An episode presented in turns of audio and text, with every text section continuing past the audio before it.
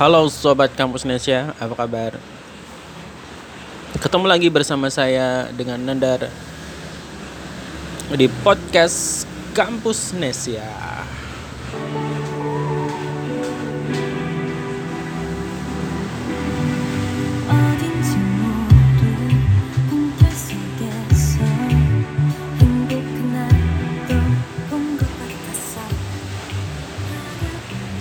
Kita ditemenin sama Red Velvet dengan lagunya yang berjudul apa ya? Running ya. Ini original soundtrack drama Korea Startup yang tayang tahun 2021 yang lalu. Dibintangin sama Mbak Bai Susi. Tapi kita nggak mau ngobrolin tentang drama Korea itu ya. Eh, jadi ini ceritanya Uh, podcast ini direkam jam 15.45 jam jam 4 kurang seperempat ya. Saya lagi di lucu pekerjaan udah selesai. Tadi bikin plakat kemudian membalas beberapa email dan pesan WhatsApp. Dan juga ada orderan MUK yang sedang diproses. Nah di luar lagi hujan dan di sini karena banyak waktu luang jadi kita manfaatkan untuk bikin podcast saja. Nah teman-teman saya mau bahas sesuatu yang menarik. Jadi tadi saya barusan nonton video uh, Bang Panji Pragiwaksono yang lagi ada di New York. Jadi komika New York ya. Beliau uh, di channel YouTube-nya itu kan punya beberapa uh, segmen atau acara gitu. Salah satunya World Life Work Life Trampolin ya. Uh, beliau berbagi tentang seputar dunia kerja dan isu-isu terkini yang menurut beliau itu ya, pekerjaan itu harusnya begitu naik turun gitu ya. Bukan beliau tidak mengusung prinsip work life balance tapi work life trampolin. Tapi whatever bukan itu yang kita bahas tapi eh, salah satu video yang baru saya tonton itu menarik. Judulnya itu kenapa kamu dipecat ya? Tapi saya bukan ngomongin tentang pecat memecat ada beberapa hal yang saya eh, garis bawahi dan eh, menarik dari videonya Bang Panji yaitu eh, bagaimana beliau membahas tentang fenomena banyaknya perusahaan-perusahaan yang gulung tikar dan layoff atau PHK karyawan.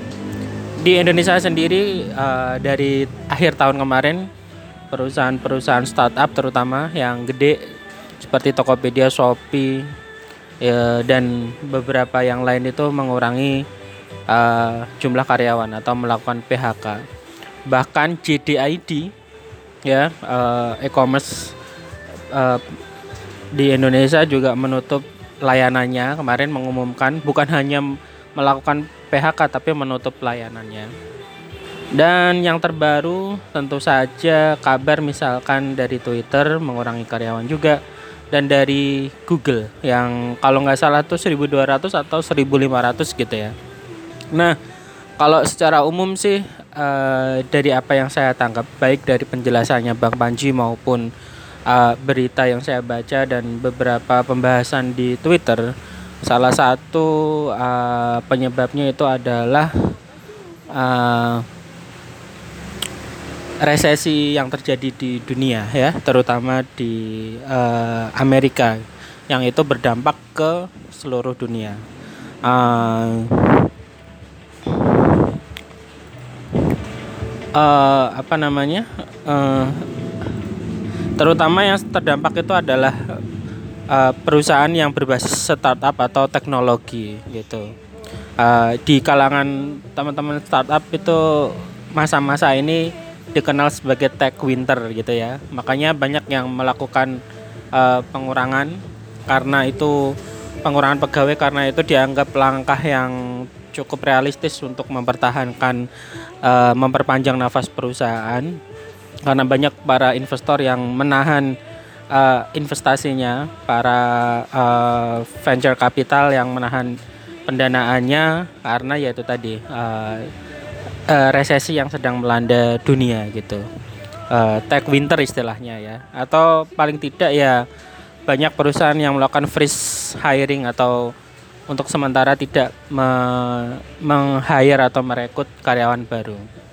Nah, itu teman-teman tapi ada yang menarik juga eh, Bang Panji menyoroti tentang eh, bahwa eh, apa namanya seperti Google, kemudian Netflix dan Twitter atau yang lain, perusahaan-perusahaan yang berbasis teknologi ini beberapa tahun yang lalu ketika pandemi, mereka itu justru kebanyakan tidak terdampak dan bahkan naik gitu.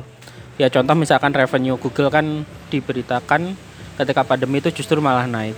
Dan kemudian eh, Netflix juga gitu, jumlah subscriber atau penggunanya itu naik, kemudian pendapatan pendapatannya juga naik, Eh, termasuk eh, layanan sejenis seperti Disney Plus yang diluncurkan di masa-masa pandemi itu juga langsung cepat sekali mendapatkan eh, subscriber gitu atau pelanggan gitu.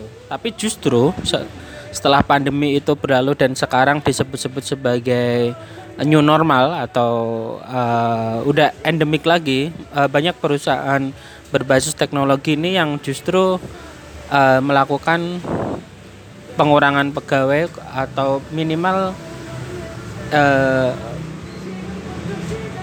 freeze hiring gitu ya. Eh, menurut Bang Panji dan menurut saya ini masuk akal gitu karena memang itu tadi beberapa dan ini juga eh, saya beberapa kali melihat entah itu podcast eh, mendengarkan podcast podcast atau pembahasan itu memang ada korelasinya gitu ya. Ada beberapa ada beberapa prediksi dari para pelaku startup terutama di bidang teknologi yang eh, basisnya itu layanan streaming online entah itu pendidikan maupun hiburan itu eh, kayak salah prediksi gitu. Eh, dianggapnya eh, pertumbuhan saat pandemi itu bakal bertahan ketika sudah sudah tidak pandemi tapi ternyata enggak gitu ya. Contoh misalkan kan eh, beberapa waktu yang lalu kalau nggak salah kan juga ruang guru kemudian Zenius paham MiFi dan segala macam itu kan juga melakukan penyesuaian gitu ya. Padahal waktu pandemi itu mereka kan eh, growth-nya gila-gilaan. Tapi ternyata setelah offline, sekolah offline, kuliah offline itu ternyata berdampak banget gitu. Nah kalau Google itu kalau menurut analisis Bang Panji itu eh, ada perubahan tentang ini juga spending dalam beriklan karena kan seperti Google dan dan lain-lain ya seperti Instagram juga Facebook juga. Salah satu bukan salah satu tapi memang pemasukan terbesar revenue terbesar mereka itu kan dari iklan gitu ya. Terutama Google. Gitu. Nah setelah pandemi itu ada penurunan eh, spending perusahaan untuk melakukan iklan di di Google dan platform lainnya. Dan itu mempengaruhi keuangan itu. Makanya eh, gimana ya salah satunya itu mungkin ya karena ketika pandemi kemarin itu hire-nya eh, banyak gitu kemudian karena pendapatannya turun sekarang eh, harus melakukan pengurangan gitu tapi ini menarik ya ini yang kemudian eh, saya mendapat setitik pencerahan dan eh, jawaban yang masuk akal kenapa juga eh, revenue kampus Nesia dari eh, Google AdSense tuh turun gitu. Buat informasi teman-teman ya, eh, kita mulai eh, monetize website kita Kampus Nesia itu tahun 2021 tepatnya tanggal 29 Januari atau katakanlah Februari lah gitu ya. Nah, selama sekitar 11 bulan itu ya alhamdulillah ya rata-rata tiap bulan itu kita bisa payout dan di di lima, lima bulan terakhir menjelang akhir tahun dari mulai Agustus, September, Oktober, November, Desember itu eh, naiknya tuh drastis gitu. Jadi bukan hanya 100 kali lipat ya, tapi beribu-ribu kali lipat gitu. Nah, dan tiga bulan berturut-turut itu eh kalau teman-teman tahu minimum payout Google AdSense ya kan segitu ya 100 dolar gitu ya. Nah kita itu bisa dapat eh, tiga kali lipat eh, selama tiga bulan berturut-turut gitu. Itu sesuatu pertumbuhan yang eh, gimana ya? Di luar antisipasi kita lah gitu ya. Eh, ya kita kita bisa membayangkan tapi kita nggak nyangka bakal terjadi secepat itu. Atau bahasa kerennya apa ya? Too good to be true. gitu.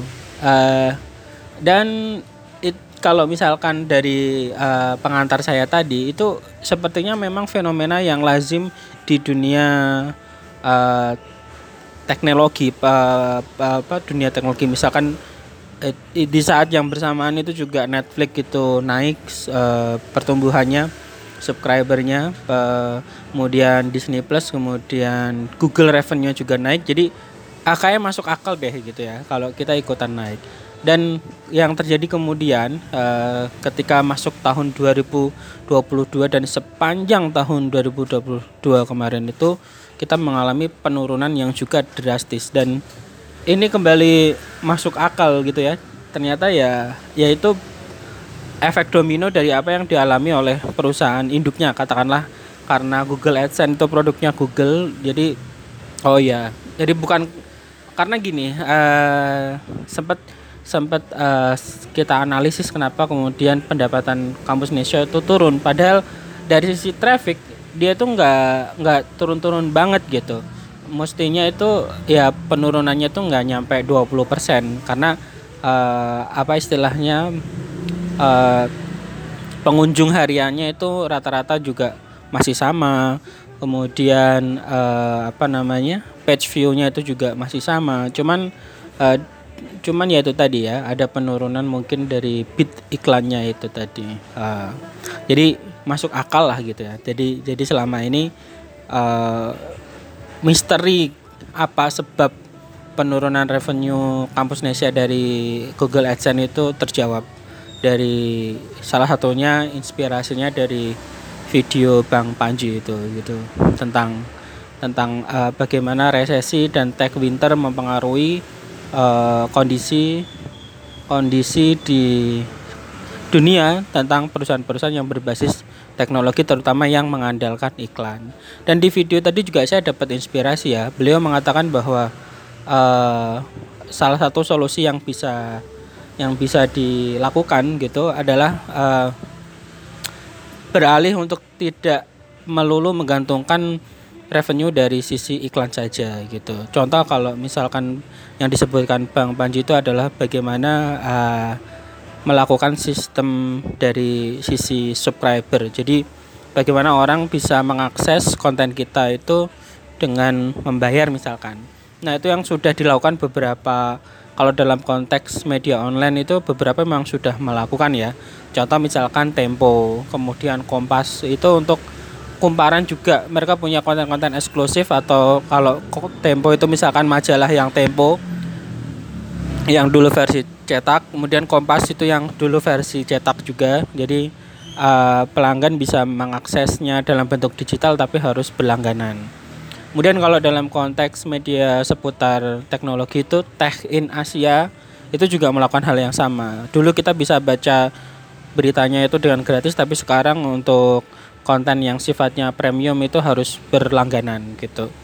Nah, contoh misalkan yang terbaru eh, kalau di di YouTube itu kan eh, Spotify, YouTube juga melakukan hal yang sama ya, ada ada konten premiumnya gitu.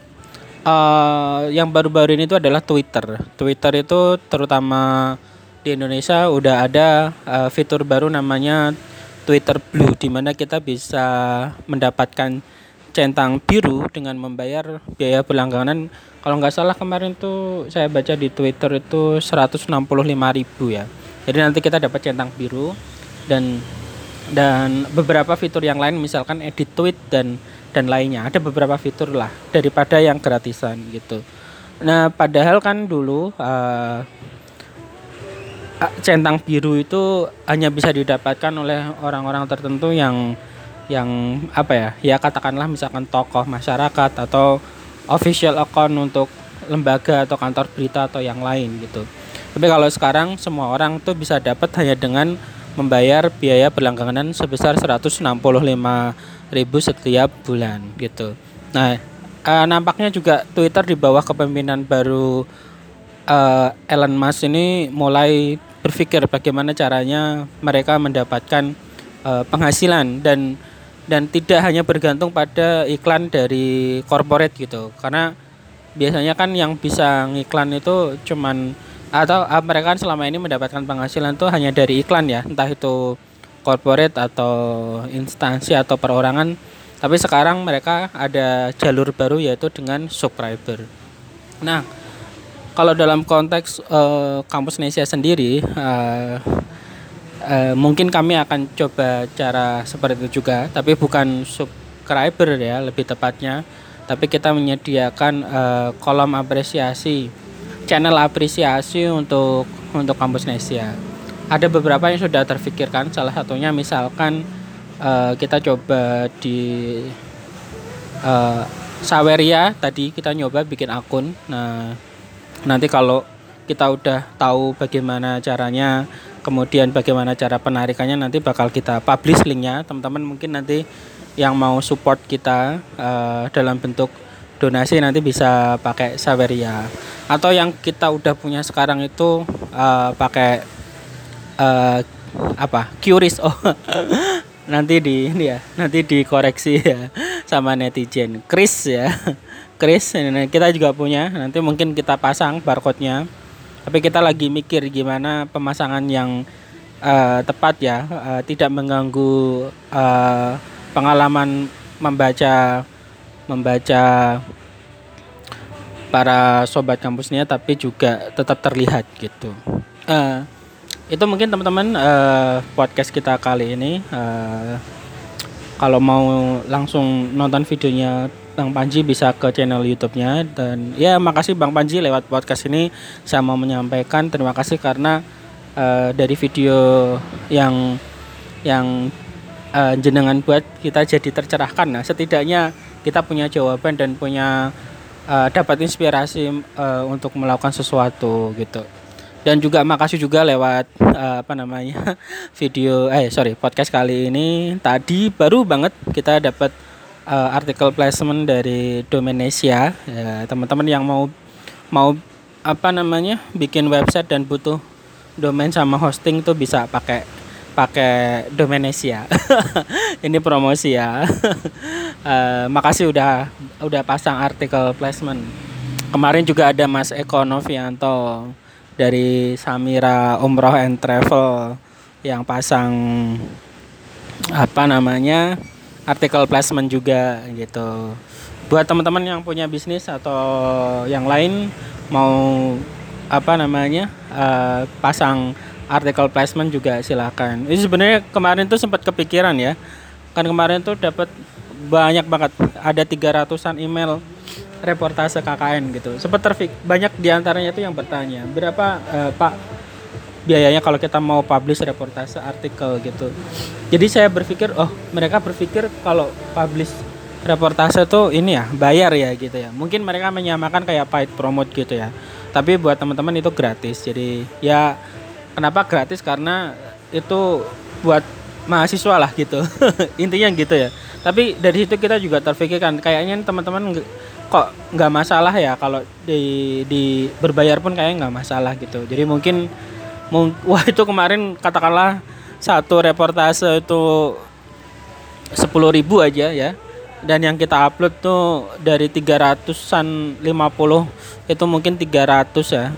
Jadi email yang masuk itu dari teman-teman tuh ada 300 ya kalau nggak salah. Sebentar, saya cek dulu.